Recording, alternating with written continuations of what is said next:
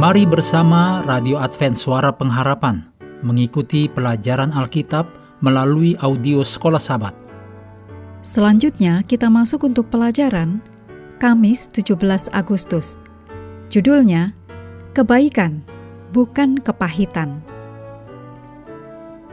Mari kita mulai dengan doa singkat yang didasarkan pada Yohanes 6 ayat 33 perkataan-perkataan yang kukatakan kepadamu adalah roh dan hidup. Amin.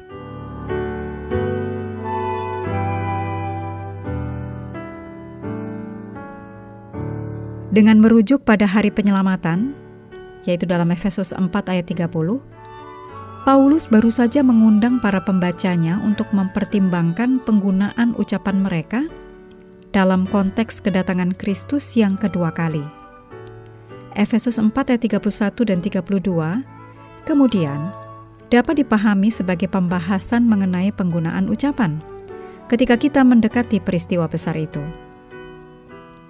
Dalam terang kedatangan Kristus kembali, Efesus 4 ayat 31 dan 32 menuliskan sikap dan perilaku yang berhubungan dengan perkataan yang harus dibuang, serta sikap dan perilaku yang harus dianut dalam nasihat terakhir Efesus 4 ayat 17 sampai 32, Paulus sekali lagi memberikan perintah negatif.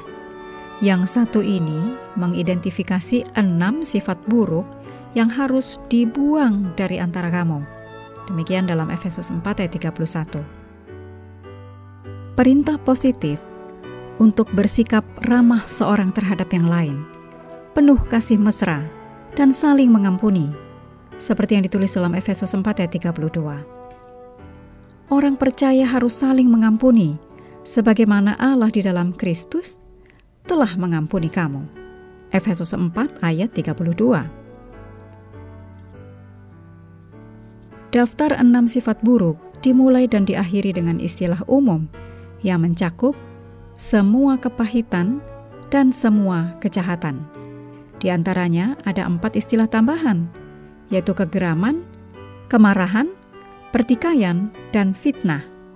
Efesus 4 ayat 31.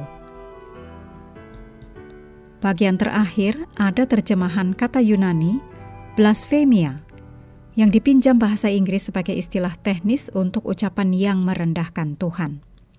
Namun, istilah Yunani mengidentifikasi ucapan yang mencemarkan nama baik Tuhan atau manusia sebagai fitnah atau berbicara jahat.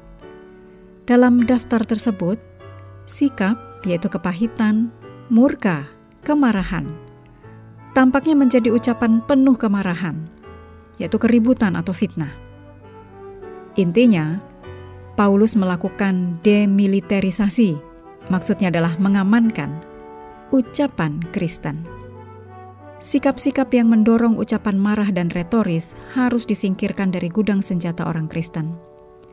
Komunitas Kristen akan berkembang dan kesatuan gereja dipupuk. Demikian ditulis dalam Efesus 4 ayat 1 sampai 16. Hanya jika hal-hal ini dikesampingkan.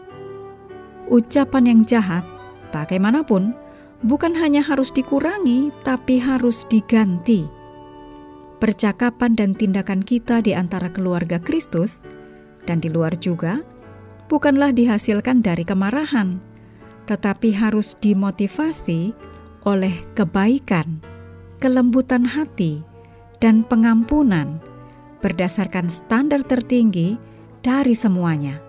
Pengampunan yang telah Allah berikan kepada kita di dalam Kristus. Paulus memperlihatkan pengampunan vertikal yang ditawarkan oleh Allah kepada kita sebagai model untuk pengampunan horizontal.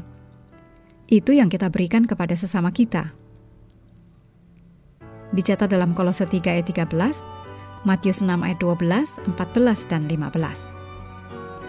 Pikirkan tentang kekuatan kata-kata Anda, agar Anda dapat gunakan untuk meneguhkan, mendorong, dan membangun iman. Mengakhiri pelajaran hari ini, mari kembali ke ayat hafalan kita dalam Efesus 4 ayat 22 sampai 24. Yaitu bahwa kamu berhubung dengan kehidupan kamu yang dahulu harus menanggalkan manusia lama yang menemui kebinasaannya oleh nafsunya yang menyesatkan, supaya kamu dibaharui di dalam roh dan pikiranmu, dan mengenakan manusia baru yang telah diciptakan menurut kehendak Allah di dalam kebenaran dan kekudusan yang sesungguhnya. Kami terus mendorong Anda bersekutu dengan Tuhan setiap hari, bersama dengan seluruh anggota keluarga, baik melalui renungan harian, pelajaran sekolah sabat, dan bacaan Alkitab sedunia. Percayalah kepada nabi-nabinya yang untuk hari ini melanjutkan dari Mazmur 103. Tuhan memberkati kita semua.